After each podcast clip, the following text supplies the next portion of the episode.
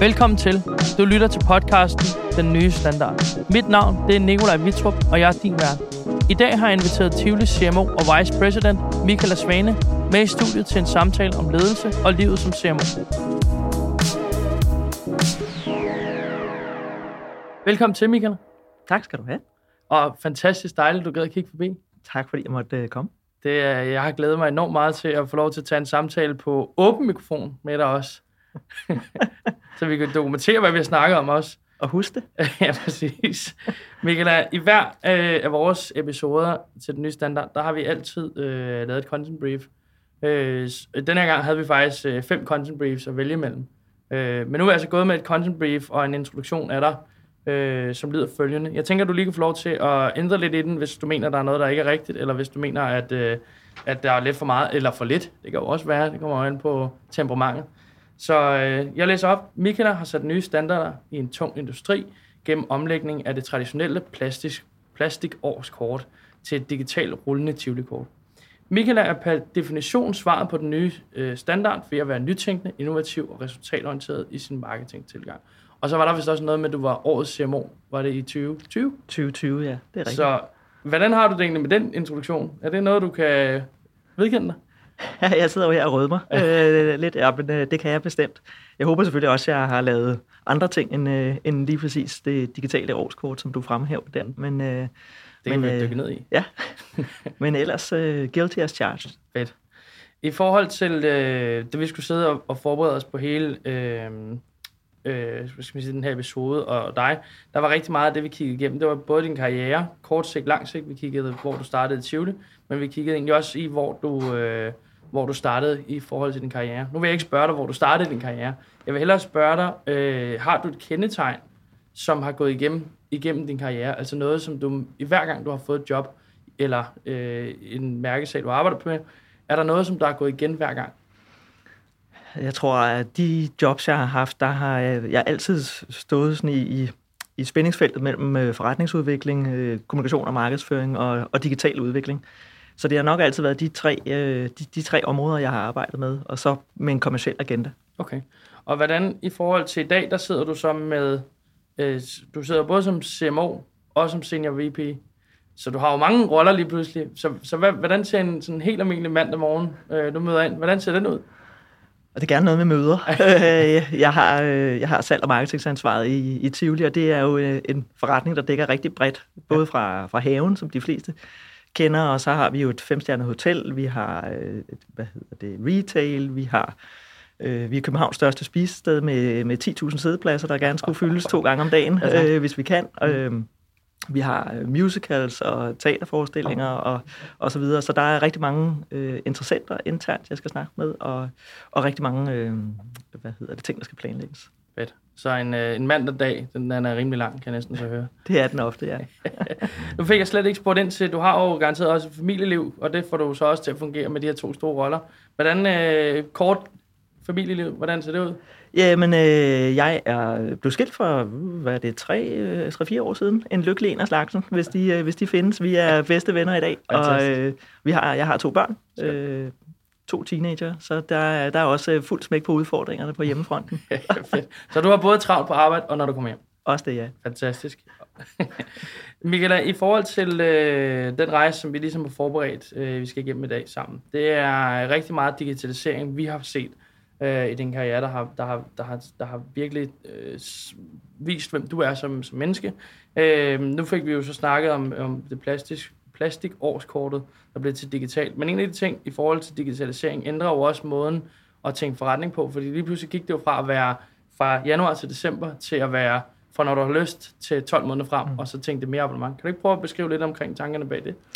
Jo, øh, jeg tror, jeg vil tillade mig sådan at gå to skridt tilbage. Jeg tror, da jeg startede i Tivoli, der handlede øh, det at drive den digitale transformation. Noget af det, jeg, jeg var med til at sætte på, på dagsordenen, var at, at udvide Tivolis øh, territorie. Øh, dengang var jeg handlede en gæst om øh, en gæst, der kom i haven, og besøget startede, når man gik ind af, af portene deroppe.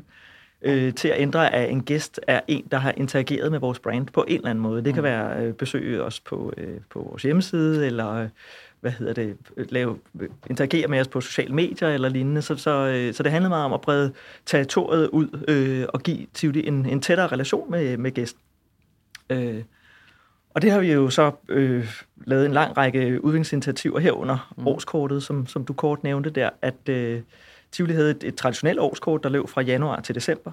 Øh, og det betød jo, at hen af august, når haven stod og var mm. øh, på sit allersmukkeste, så, øh, så gik salget ikke særlig godt. Øh, fordi hvem havde lyst til at købe et, et, øh, et årskort, der kun var øh, 6 måneder, et halvt år tilbage ja. på. Og omvendt havde vi jo heller ikke lyst til at sætte prisen ned, og mm. dermed øh, forskubbe øh, købet. Ja. Øh, så derfor var det oplagt ligesom at kigge ind i et, øh, det, vi kalder et rullende årskort, mm. som, som gælder 12 måneder fra den dag, du, øh, du køber det. Øh, og så var der jo samtidig nogle, nogle tendenser i forhold til øh, abonnement, øh, så, så derfor valgte vi også at, at åbne op for muligheden for at øh, få Tivoli-kort på abonnement. Øh, Magic on Demand, som, øh, som vi også kalder det. Magic øh, on Demand. Som, som både giver mulighed for at, at betale en gang årligt, eller, eller dele din betaling op øh, månedsvis. Okay. Hvor mange procent, kan du huske det på stående, hvor mange der kører den ene løsning, og hvor mange kører den anden løsning? Vi har i dag omkring øh, 6-57 procent af vores Tivoli-kort, der er på abonnement. Okay, det er jo godt nok mange. Ja, og det øh, har vi jo også kunne se her under, under corona, at, ja. at det er vores, øh, vores Tivoli-kort holder på abonnement, der, der hænger ved i, i endnu højere grad. Klar. Så den digitale transformation har faktisk været en enorm succes. Ja. Fedt. Vi har tilknyttet et, øh, et loyalitetsprogram, sådan at du også, når, når haven er lukket, så øh, er der andre fordele for dig øh, på nogle af de områder, som, som jeg nævnte før, hvor Tivoli er jo et, har et, et, et bredt spektrum af forskellige forretningsområder, så der kan jo være mulighed for at komme øh, ind og se en musical til, til en øh, særlig pris, eller med en særlig oplevelse at møde skuespillerne, eller besøge en af vores restauranter, når, når haven er lukket. Så på den måde håber vi på at kunne skabe værdi øh, i, i, årets, øh, i årets 12 måneder, selvom om haven er lukket. Okay, spændende. Altså nu bruger jeg jo uh, Tivoli relativt meget. Uh, det er vi på, glade for. Tak, både på den, ene, på den ene og den anden måde. Uh, men en af de ting, som jeg også har lagt mærke til, det er jo, at, at jeres app, den er jo blevet rullet ud. Den kører smukt, og den er virkelig, virkelig mange informationer samlet på et sted.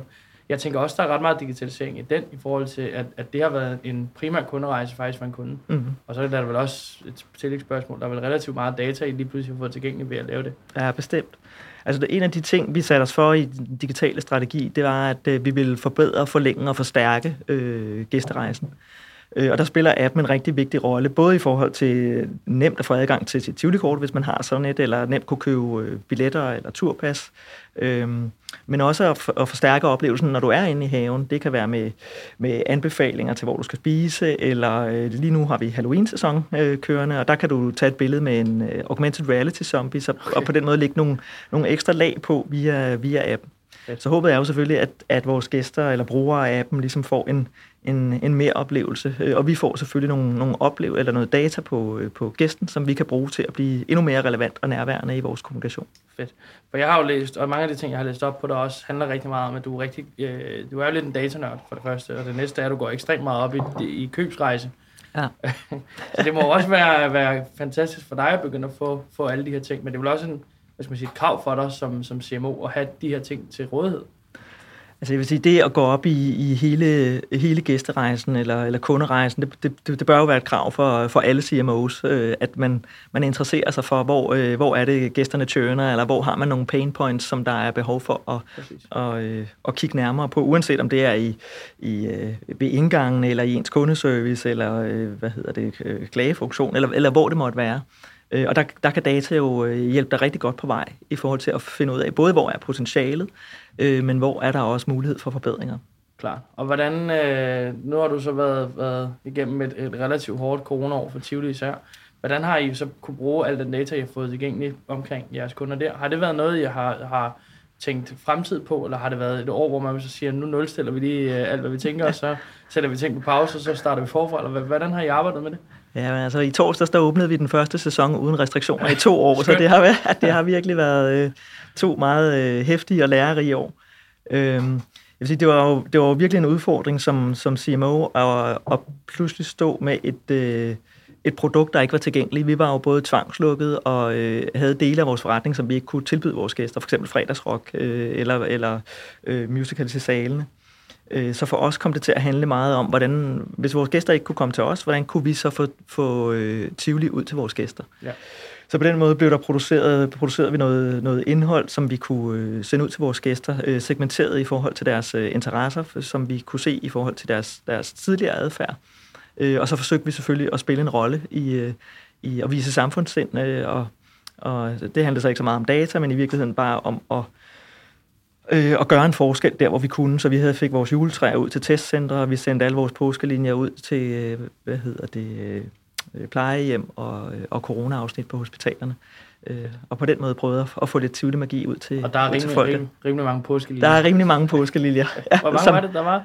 Åh ja, der, var i hvert fald over 10.000, øh, som lige var indkøbt, og vi var helt klar til at åbne. Så, og så fik I så at vide, det skulle I så ikke? Ja, alle kampagner var klar. Vi skulle være åbnet, tror jeg, 28. marts. Så, øh. Hvordan fungerer det egentlig øh, så efter corona på bagkant af det? I forhold til planlægning normalt, så sidder man jo øh, i store virksomheder og planlægger relativt langt frem. Øh, vi har en kunde, som planlagde 12 måneder, så planlagde i øh, 9 måneder, så planlagde i 6 måneder, og planlagde i 3 måneder, nu er vi nede i, nu planlægger de en måned, ja. måske to og en måned fremad. Ja. Hvordan er jeres planlægning? Nu er den vel tilbage til et eller andet, ikke normalt, men tættere på normalt, end den har været. Jeg tror, det har været Tivolis held, at, at øh, vi alle dage har været en forholdsvis agil virksomhed, fordi at øh, på et normalt år, der har vi i gennemsnit øh, knap 19.000 gæster igennem om dagen, ja. øh, og der kan ske alt muligt, både spændende muligheder eller ting, man skal agere på. Mm. Øh, så på den måde har vi i forvejen et rimelig agilt setup, men, øh, men vi, vi, vi planlægger selvfølgelig op mod sæsonerne og begynder at nærme os øh, noget mere normalt og, og håber på, at, øh, at vi for eksempel øh, kan afvikle fredagsrock næste ja. år, hvor vi har 25 års jubilæum, og det glæder vi os rigtig meget til. Er det 25 år på det, fredagsrock næste år? Ja, det er det. Øh, så, øh, så på den måde er vi, øh, har vi nærmet os mere normalt, men, men har nok... Øh, øh, ja, vi, vi har kørt nogle, øh, nogle, nogle øh, nogle sådan ultrasprints under corona. Øh, vi udviklede for eksempel en digital forlystelseskø på, øh, på 72 timer. Okay. havde vi en fuldt fungerende løsning. Okay. Så, så på den måde har vi, har vi ligesom uh, intensiveret vores, vores agilitet yderligere uh, og, og kan reagere rigtig, rigtig hurtigt. Så det, det håber jeg på, at vi tager med os videre frem også. Det lyder i hvert fald som enten en øh, voldsom dag med meget Red Bull, eller enormt meget kaffe i de 72 timer, I kørte. Det var det, og folk sad på øh, 4-5 forskellige lokationer. Vi havde UX'er og udviklere og arkitekter og contentfolk siddende på forskellige lokationer, så, øh, så det, var, det var meget, meget intenst og meget, meget sjovt og spændende. Men det er jo en af de ting, som jeg virkelig har, har tænkt over også, øh, inden vi snakker sammen. Det er det her med, at I, er 176 år gammel. Er det korrekt? Ja en, i en virksomhed, der er 176 år gammel, der er hurtig transformation jo oftest ikke det, man forbinder med øh, overskriften der. Nu har I så øh, formået at gøre en digitalisering op imod corona, og garanteret også rigtig meget under corona. Men var det her med det digitale fokus, var det til, med til at hjælpe jer under corona, eller hvordan har det spillet at der er ingen tvivl om, at, at det var altafgørende under corona. Øh, kvæg det nærmest, det var jo den eneste, de digitale kanaler var jo de eneste, vi havde, øh, for at kunne kommunikere med vores, vores gæster. Øh, og Tivoli har jo altid haft fokus på at betale sine gæster, mm. øh, men, men fokus har været på øh, betagelse i haven. Øh, så vores digitale vision handler faktisk om, at vi vil betale vores gæster, øh, på ikke bare i haven, men på tværs af kanaler. Okay. Øh, så det her med at få de digitale kanaler i fokus, og, og også skabe betalende oplevelser, der er, er noget, vi, vi, vi sat, har sat fokus på i, i løbet af de sidste par år, og, øh, og, og fokusere øh, meget kraftigt på. Og det kan man sige, under corona, der blev det endnu tydeligere vigtigheden af, af de her kanaler, at, mm. øh, at kunne skabe noget magi der også. Klar. Og hvordan i forhold til, kender du til, øh, hvor meget til jeres loyalitet og sådan noget kører inde i Tivoli? Har I mange nye, der kommer ind, altså turister? Eller har I meget loyalitet igennem danskerne? Hvordan, hvordan? Vi har jo gudskelov et, øh, en, en lang række loyale gæster, øh, mange af dem på, på Tivoli-kort, gudskelov, kvæg, at vi er en, øh, en, øh, en have midt i København, mm. som, øh, som mange bruger, både til at ja, bare gå en tur, eller komme ind og nyde stemningen, eller gå ind og spise på en restaurant. Mm. Øh, eller gå ned for spansk rør. Eller gå ned og få spansk rør, lige præcis. øh, Øh, så, så på den måde har vi mange lojale gæster, der øh, for hvem det er en tradition at, at komme i Tivoli. Øh, og dem, øh, dem skylder vi stor tak her under, under corona, at, øh, at de har holdt ved så mange af dem. Ja. Øh, og så har vi selvfølgelig, vi har normalt omkring 30-35 procent af vores gæster, der er turister, og dem, øh, dem glæder vi os selvfølgelig til også at tilbage. Er det begyndt at komme tilbage igen eller? Vi kan se, at det, det er i bedring, men, øh, men København er jo desværre et af de steder, der er hårdest ramt i, i, i Danmark i forhold til at få turisterne tilbage. Så, øh, okay. Så det glæder vi os til, at, øh, at vi kommer tilbage. At, øh, de seneste analyser, jeg har set, siger, at det er, det er formentlig i øh, Q4 23 eller Q1 2024, at øh, vi er tilbage på 2019-niveau. Okay. Og det er godt nok en, en lang tur i forhold til, øh, når man er så stor en attraktion, som I er. I er jo øh, Danmarks største turistattraktion. Så det forestiller jeg mig, at de tal betyder relativt meget for dig, hvornår vi er tilbage. Bestemt, og så håber vi selvfølgelig, at der er, der er gæster fra, fra resten af Danmark, der får lyst til at kigge forbi Tivoli også, så vi, øh, vi stadigvæk har en masse glade gæster i haven. Vi har i hvert fald vores øh, årlige julefrokost i Wavamp. Det har vi altid øh, i grøften. Og der er bagefter går vi ud og spiller femkamp. Sådan. Så, så jeg lover i hvert fald vores besøg den 10. december. Det lover jeg. Det bliver aldrig ændret. Det er noteret. Tak, Nikolaj. det bliver aldrig ændret. Det, det er en af de ting, der er kravene til vores festival. Det er, at hvert år, der i kan selv vælge, bare det er Tivoli. Ja, ja. I kan selv vælge, og bare vi kommer forbi grøften. Ja. Så I må selv vælge, om det er hurtigt eller kort, eller det, det er sådan set ligegyldigt, hvor lang tid skal være der, bare vi er der. Ja. Så, så det, er, det er et krav. Øh, Michael, en af de ting, som øh, jeg også har kigget lidt på, det er jo i forhold til hele CMO og vice president rollen. Øh, jeg vil lige starte med CMO. Kravene til en CMO er nu 2021. Hvordan ser de ud? Ja, øh, jamen altså noget af det, jeg synes, jeg har mødt mange øh, marketeers gennem årene, som har, som har meget, meget stor fokus på øh, kampagnen. Øh, og det skal man selvfølgelig også have, men, men kravene til en CMO 2021, øh, og det ved jeg ikke, om har ændret sig, men, men som jeg i hvert fald vil fremhæve, man skal have fokus på, det er jo at kende sin forretning. Øh, man skal ikke bare kende sin, sine kunder. Jeg tror altid, CMO's eller marketeers har været øh, kundens eller gæstens ambassadør, men, men det, det er super vigtigt, at man kender sin, øh, sin forretning og hvor indtægtsstrømmene kommer fra. Man skal huske på, at marketing er jo et middel, øh, og ikke et mål i sig selv. Øh, og der, der tror jeg, det, det er vigtigt, at man som, som marketeer forstår, øh, hvordan man skaber værdi for sin forretning. Øh, så det, det er fantastisk at være kreativ, øh, så man kan skære igennem marketingstøjen derude, men hvis, hvis du ikke gør det øh, til noget, der skaber glæde for dine øh, kunder eller din, øh, din forretning, så er det jo bare et, et, et underholdende indslag, øh, og så, øh, så gør du ingen forskel. Præcis. Og der er jo også udfordring med marketing ofte, hvis man skaber en masse gode kunder til forretningen, men de så ikke bliver mødt af det, man har lovet dem ja. i marketingkampagnen, ja. jamen så fungerer det alligevel ikke. Præcis. Så at forene øh, virksomhedens vision med den kultur, du har øh, med din kommunikation, det er, det er ret afgørende. Og så selvfølgelig være med på, hvor øh, forbrugerne er. Det gælder jo både kanaler, øh, men også i forhold til præferencer. Det er jo der, hvor data øh, kommer til at spille en rigtig vigtig rolle i forhold til, hvad, hvad hedder det... Øh, hvor er dine gæster eller dine kunder henne? Øh, jeg beklager, jeg roder lidt rundt i kunde-gæstebegrebet. Vi kender det jo gæster. Mm. Øh, men altså i Tivoli, der har vi jo, der har vi jo gudskelov gæster helt fra, de er øh, meget små til, til, til, til de noget ældre. Øh, og der er det jo, deres behov ændrer sig jo gennem livet. Øh, og der er det vigtigt, at vi også følger med, både i forhold til, det kan være alt fra musiksmag til, øh, til besøgspræferencer, til øh, besøgsmotiver og så videre, og, og så, så vi kan være relevante. Så, mm. så kunne sin data og kunne sin tech stack, øh, eller i hvert fald have ansat nogen, der kan det, er, øh, er afgørende, og så blive ved med at holde fast i, at, øh, at øh, marketingtrakten ligesom er, er sammenhængende. Øh, jeg, jeg, jeg bliver lidt træt af diskussionen en gang mellem det her med, øh, skal du fokusere på, på taktiske budskaber eller branding, skal mm. du upper funnel, funnel eller lower funnel, mm. og det, kunsten er jo, at øh, du skal begge dele. Klar. Enig.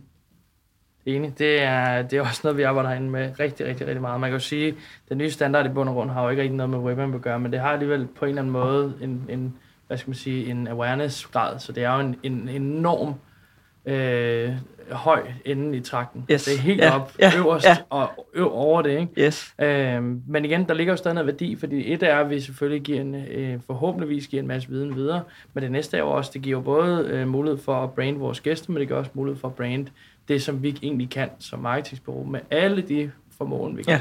Ja. Øhm, så igen, der ligger en masse funnel-strategier, som, som måske ikke giver mening i dag, men måske om et år giver det rigtig meget mening, ja. når vi sidder og laver det. Ja. Øhm, I forhold til marketingchef, øh, nu gælder det marketingchef, det ved jeg ikke, om jeg marketingsleder er nok bedre ord. øhm, har det ændret sig over øh, siden øh, du trådte til, fordi nu har du været der i fire, fire fem? Snart seks år, faktisk. Seks år, ja. og næsten ved siden af. Øhm, men hvor meget har det ændret sig fra dag 1 af, du kommer ind, og til nu, i forhold til din rolle som, som, altså i marketing? Jamen, jeg har jo været så heldig gennem årene at få øh, kunne udvide mit ansvarsområde. Mm. Øh, og en af de ting, jeg blev i hvert fald øh, oplevet, da jeg startede, det var en, øh, ikke om det var en konflikt, men i hvert fald manglende samarbejde mellem salg og marketing. Mm. Øh, jeg tror, man ser det. Øh, jeg, jeg tror, man ser det flere steder. Jeg tror ikke, det er noget, der er unikt for Tivoli, men øh, men, øh, men det her med at få det samlede ansvar for, for både gæsterejsen og for, for salg og marketing, sådan at du kan orkestrere dine kanaler, uanset om det er et relationssalg øh, via B2B, eller om det er et digitalt salg, eller et personligt salg, øh, så, kan vi, så kan jeg ligesom orkestrere både priser, produkter og, og kanalstrategi, og det, øh, det synes jeg er rigtig, rigtig vigtigt. Og det betyder jo, at, at øh, for gæsten oplever du en mere øh, øh, øh, sømløs og sammenhængende oplevelse, og for forretningen, jamen, så sikrer vi, at vi får mest mulig værdi ud af de kanaler, vi, øh, vi opererer med, og det at vi prøver at undgå kannibalisering, hvis vi øh, at, at bruge kanalerne der, hvor de er bedst. Øh, og der, der var det før meget fragmenteret og siloopdelt, og, mm. der, og det, kan, det kan gæster jo godt mærke. Jeg har set i, min, i mit brief faktisk, der stod noget med, at du finder siloer alle steder i din, eller i din forretning og nedbryder dem. Ja, ja. Så det kan du få lov til lige at, at fortælle mig, hvorfor du gør. Jamen, øh, er du allergisk over for siloer? Øh, ja, det kan du godt kalde det. Jamen, altså, det giver jo ingen mening. Altså, øh, vi har jo behov for at organisere os øh, på en måde i, i alle virksomheder, for at, at kunne få en måde at, at tale om det på. Men, men når vi skal lave projekter, så det vi har allerbedst erfaring med, det er jo at samle folk i sådan et team of excellence. Mm. Øh, gerne offsite, og det er, jeg vil gerne slå to streger under, og jeg er ikke fortaler for de her øh, labs, der er afkoblet for virksomheden. Du kan ikke øh, outsource din innovation og din digitalisering men du kan samle kompetencer på tværs af funktioner i et, øh, i et projektteam og, og give dem ansvaret øh, for at, at dedikere sig en opgave. Mm.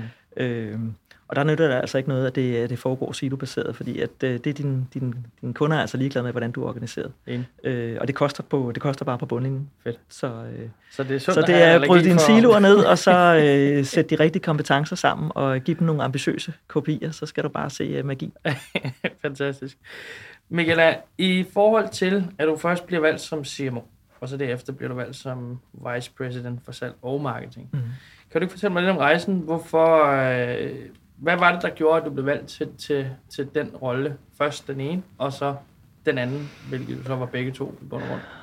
Jeg vil sige, den første søgte jeg jo øh, bare helt øh, almindeligt dødeligt, og, mm. og var igennem tre samtaler og nogle opgaver, og, øh, og var så så heldig at få lov at komme ind og, og arbejde med Tivolis brand og Tivolis forretning.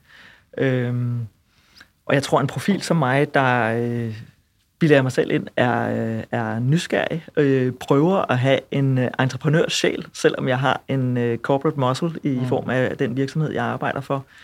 Øh, så, øh, så lader jeg mig jo heller ikke begrænse af hverken siloer eller ansvarsområder. Øh, så på den måde, når jeg ser noget, der kan forbedres, eller ser en, en mulighed, så går jeg ind i det. Og det, det er min oplevelse, gudskelov, at, at det kunne Tivoli godt se noget værdi i, at, øh, at øh, hvis jeg fik ansvarsområde for noget mere, så kunne jeg, så kunne jeg gøre mere af det. Øh, så der er de gudskelov øh, under Lars Liebst vist mig den, øh, vist mig den tillid til, at, øh, at jeg kunne øh, forbedre resultaterne. Og det, øh, det har også også gjort, at, at jeg i hvert fald været medvirkende til, at Tivoli har haft sine øh, bedste resultater nogensinde før corona.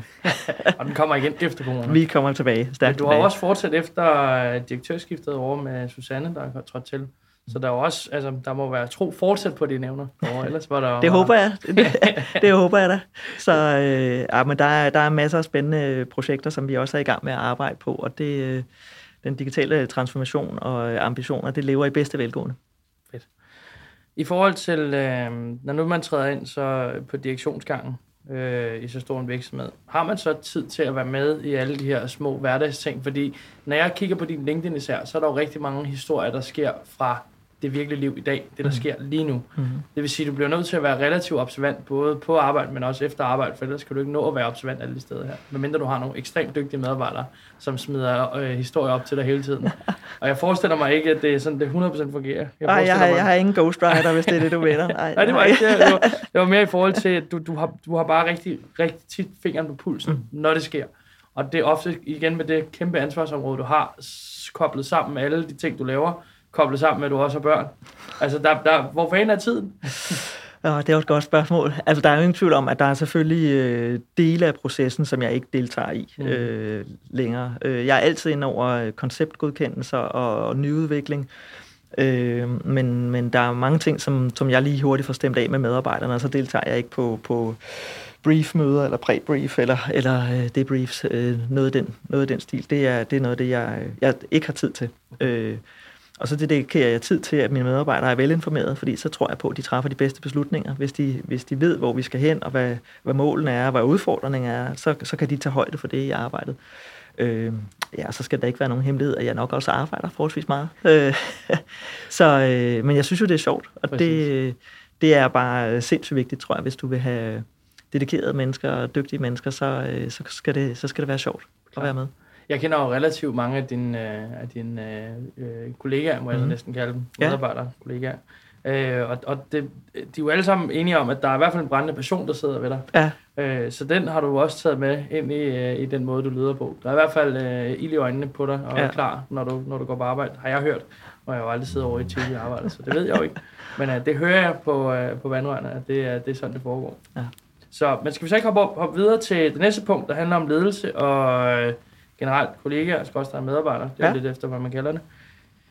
I forhold til en god leder, mm. hvad for nogle egenskaber mener du, hvis du skal fremhæve nogen igen, at man skal besidde som en god leder af nu 2021? Fordi igen, jeg føler, at det har ændret sig ekstremt over corona, hvad det ja. er for nogle egenskaber, der er fremhæver nu. Ja.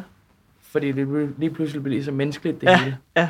Og før var det Fyre rigtig meget på KPI, og det handlede rigtig meget om alle mulige ting, og lige pludselig handlede det faktisk bare om at have glade mennesker, fordi så skulle du nok nå din KPI. Ja. Og det så var en lidt anden case for jer, fordi I ikke kan ændre jer meget mere, end I gør, for I ligger stadig over Tivoli. Ja. Men kan du ikke prøve at sætte nogle ord på, hvordan øh, du beskriver en god leder af nu 2021? Jo, 22. Øh, jamen altså for mig, der, der handler god ledelse rigtig meget om, øh, om empati, mm.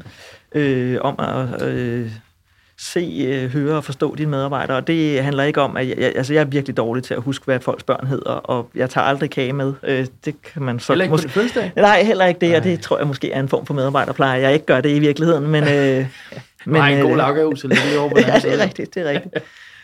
men, men for mig handler det om at, øh, at skabe øh, dedikation og engagement, og det handler om så at finde ud af, hvad der driver dine medarbejdere. Øh, både hvad der gør dem glade, hvad der frustrerer dem, hvad der, øh, hvad der motiverer dem. Mm.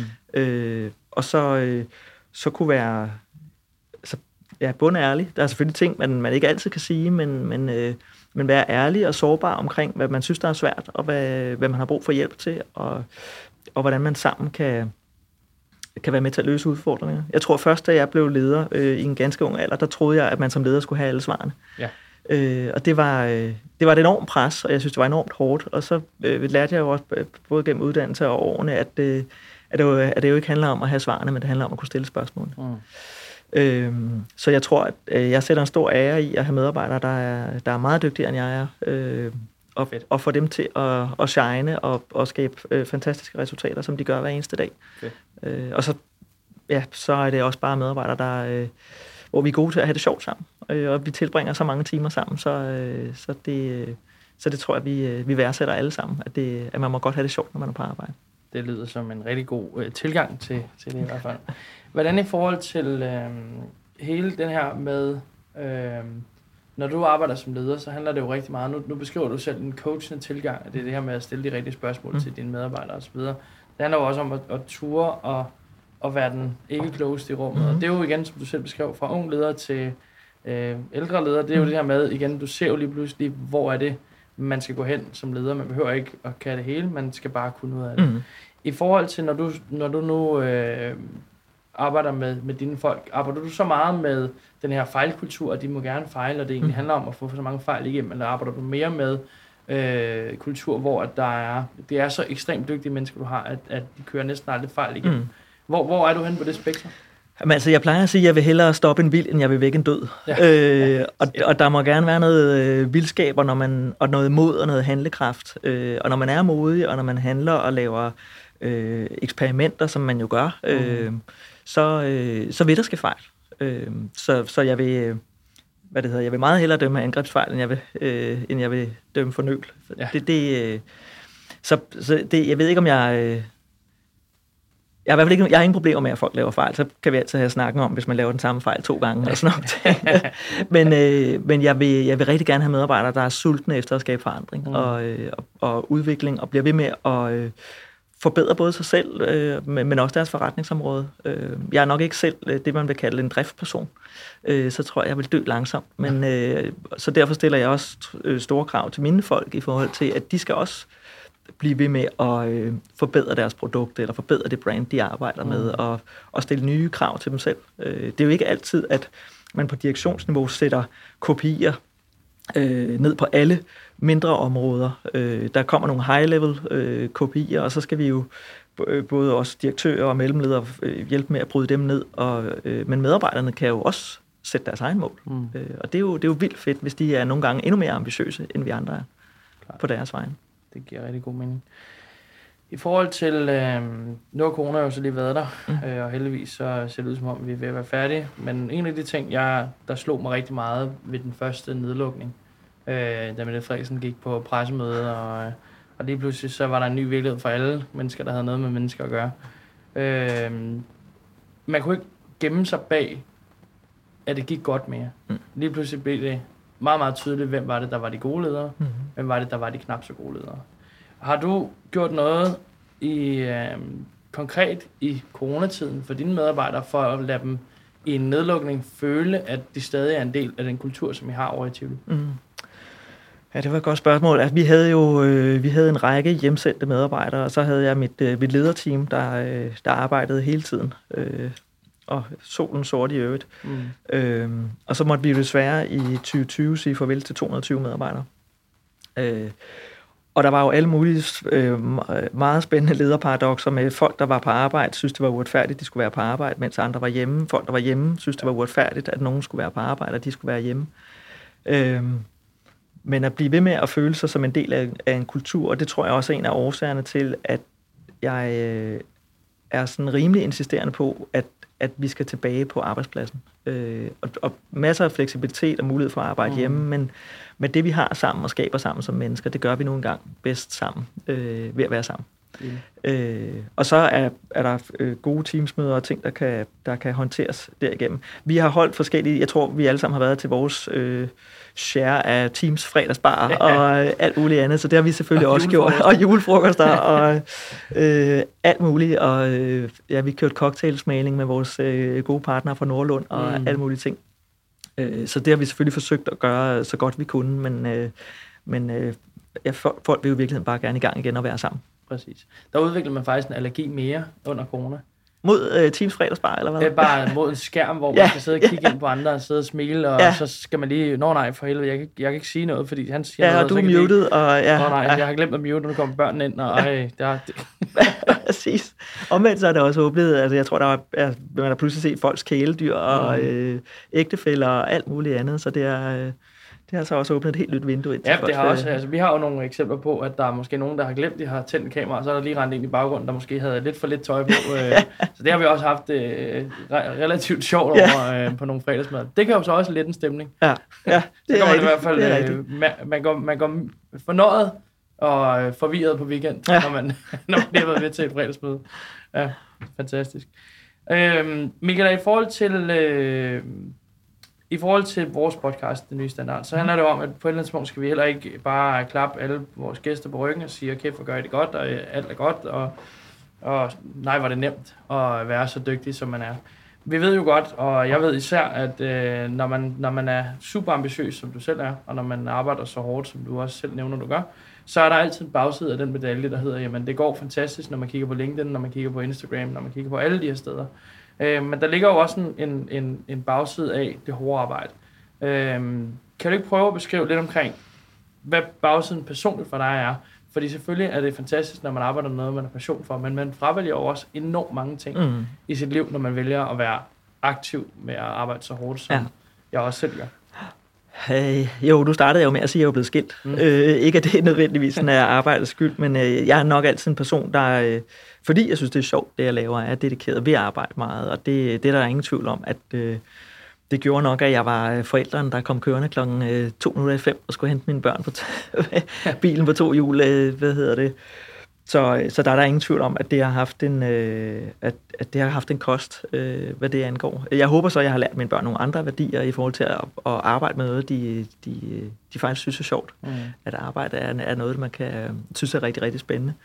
Øh, jeg, jeg øver mig på at blive bedre til at, øh, at tage mig tid til de ting, der, øh, der giver energi. Øh, nu, som sagt, jeg synes, det er sjovt mit arbejde, men en gang imellem er det jo også bare sjovt at være med... Mm med vennerne ude at spise, eller på en eller anden øh, tur, hvor man laver alt muligt sjovt, og så ender det jo ofte i, at man, man ikke har tid. Mm. Øh, så, så det øver mig på, ligesom, og, øh, og vil gerne have endnu mere af, at, øh, at det ikke alt sammen bliver arbejde. Så, så det, det synes jeg også, jeg er blevet bedre til. Mm. Øh, man skal fyldt tankene op selv, det er for at kunne, øh, kunne være noget for andre.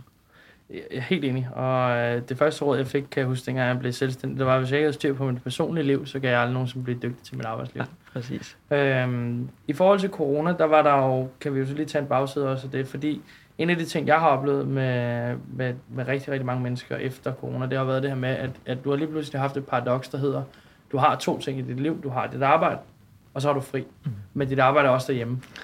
Ja. Øh, så lige pludselig alt, hvad der hedder sociale arrangementer og skulle være noget for andre, det var sådan næsten forsvundet mm-hmm. i halvandet år. Det er jo så begyndt at komme tilbage igen. Så lige pludselig har du fået adgang til, at du kan arbejde hjemmefra.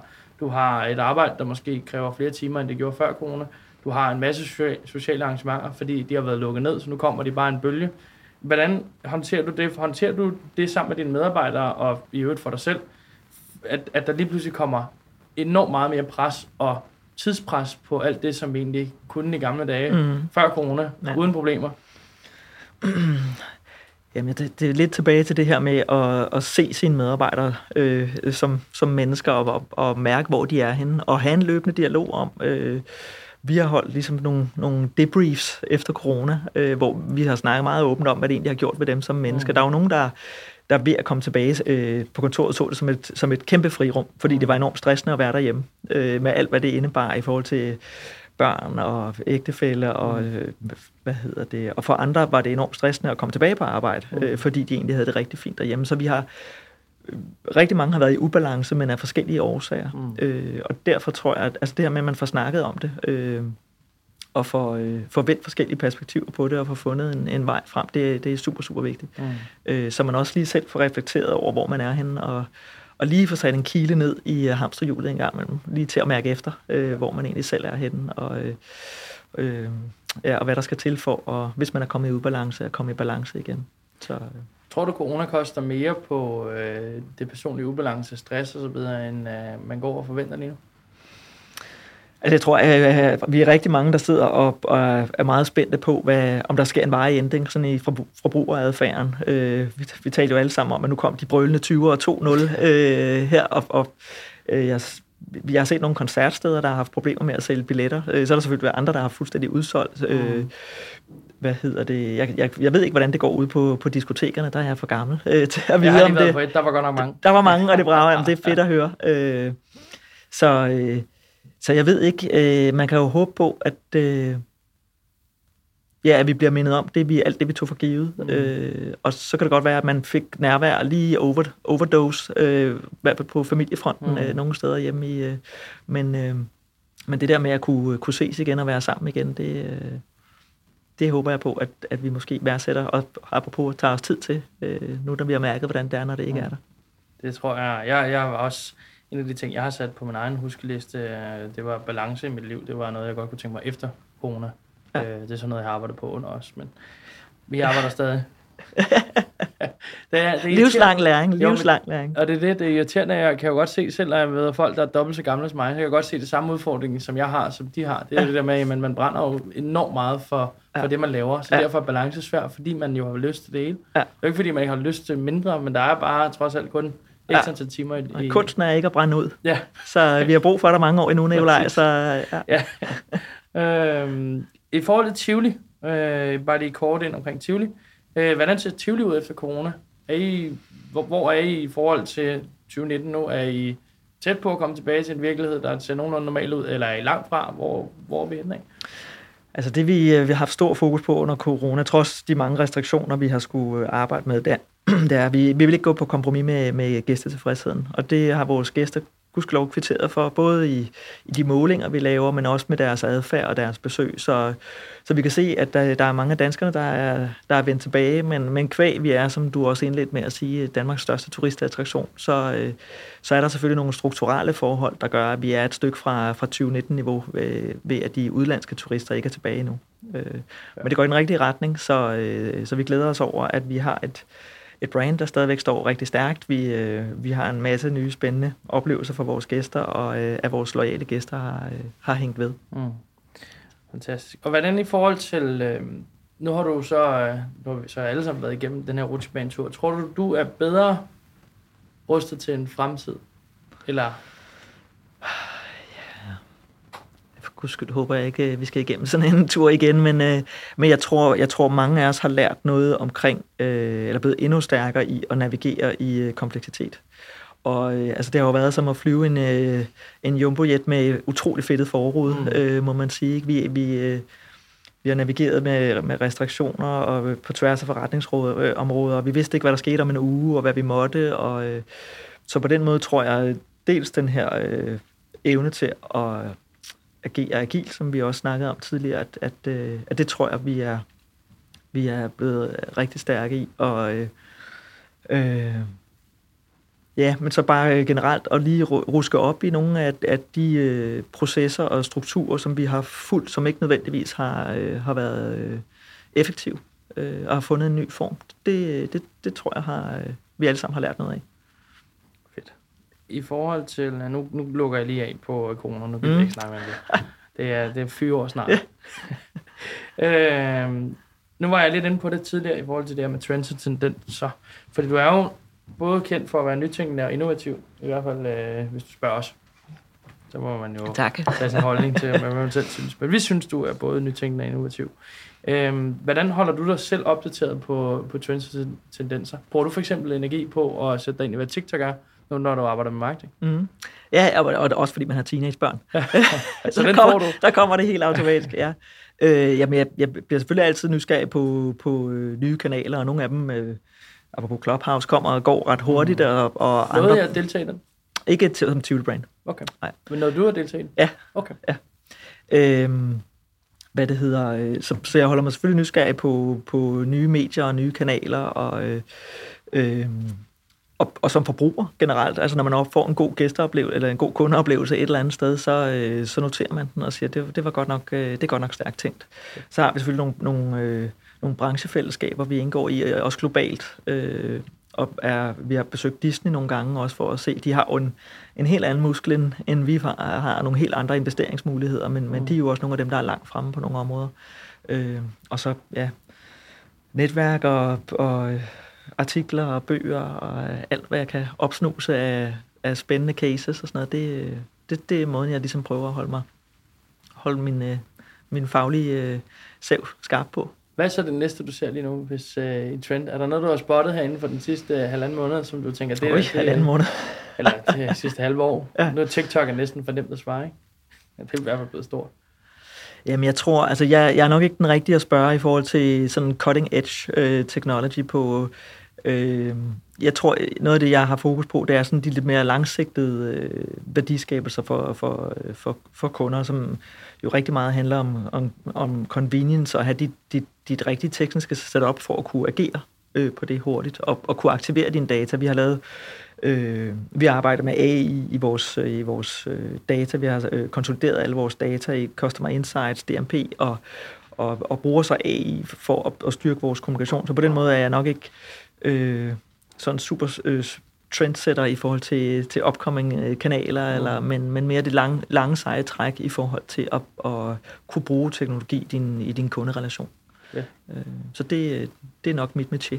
Ja. Der var øh, en ting, som jeg tænkte, jeg godt kunne tænke mig at slutte af, før vi lige afrunder. Ja. Du sagde, øh, det der står på øverst på din LinkedIn, det er, at øh, en CMO kan godt være over 40 år gammel. øh, jeg er jo enig. Altså, jeg er ikke uenig i det. Har du lyst til at knytte en kommentar af noget 2021? Mener du stadig, en uh, CMO gerne må være over 40 år gammel? Og er det en fordel? Er det lige pludselig blevet en fordel nu? Jeg synes ikke, øh, jeg synes, øh, øh, jeg synes at alder er, er fuldstændig irrelevant. I, øh, det handler der om, som du siger, at være nysgerrig, være engageret og, og, øh, og kunne, hvad er det for en forretning, du skal matche? Øh, så på den måde synes jeg, at alder øh, er, er, er ret irrelevant. Øh, jeg tror, den bemærkning, som du hen, hentyder til, var, øh, var ansporet af en, øh, af en øh, artikel i børsen vedrørende, at, at CMO'er over 40 var for gamle og, og utidsvarende til at kunne, øh, kunne agere. Så, øh, så nej, jeg synes, jeg synes mere, det handler om, om indstilling. Hvis du øh, formår, som sagt, at blive ved med at interessere dig for sin forretning, være, øh, ja, have en sjæl af en entreprenør og, øh, og blive ved med at udvikle dig, så, øh, så er alder lige meget. Jeg er 100% enig. Hele vejen igennem. Øh, Michael, i forhold til fremtid for dig. Ja. Nu snakker vi jo ikke fem år, det gider jeg ikke stille dig det kedelige spørgsmål. Det kommer jeg til med Tivoli lige om lidt. Men fremtiden for dig, hvordan, hvordan ændrer din arbejds, øh, måde at arbejde sig på? Ændrer den så meget, tror du, det næste år, eller tror du, du kommer til at køre videre i det spor, som du kører i dag?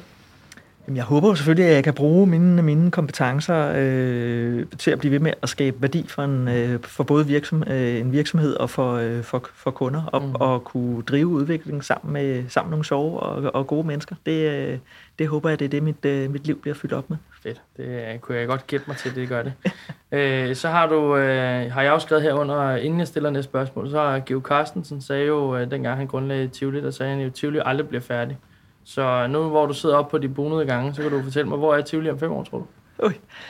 Øh, ja, jeg vil sige, at lige præcis uh, Geo Carstensens uh, budskab, det er noget, der gennemsyrer hele organisationen, at, at den der konstant balance mellem uh, tradition og fornyelse. Uh, og vi er i fuld gang med et, et, et, et spændende projekt, uh, afsprunget af digitaliseringen, som vi glæder os til at introducere til, til sommer okay. uh, næste år.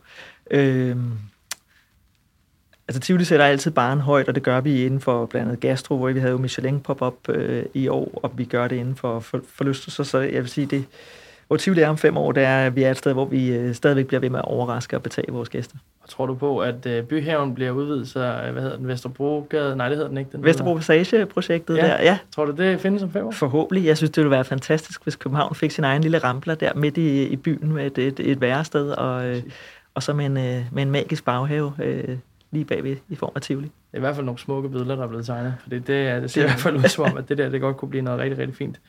Fedt. Michael, jeg har ikke mere på min, uh, min fine rundown, så jeg vil bare uh, sige tusind, tusind tak for, uh, for at du gad at deltage. Og så håber jeg, at fremtiden bringer at I lynhurtigt for masser af turister i Danmark, og at vi kan komme tilbage til en normal hverdag, så I også får lov til at have et, have et normalt arbejdsliv igen. Ja, men tusind tak, fordi jeg måtte komme, og fordi du ville høre på mig. Fantastisk, Michael. Tak for det. Selv tak.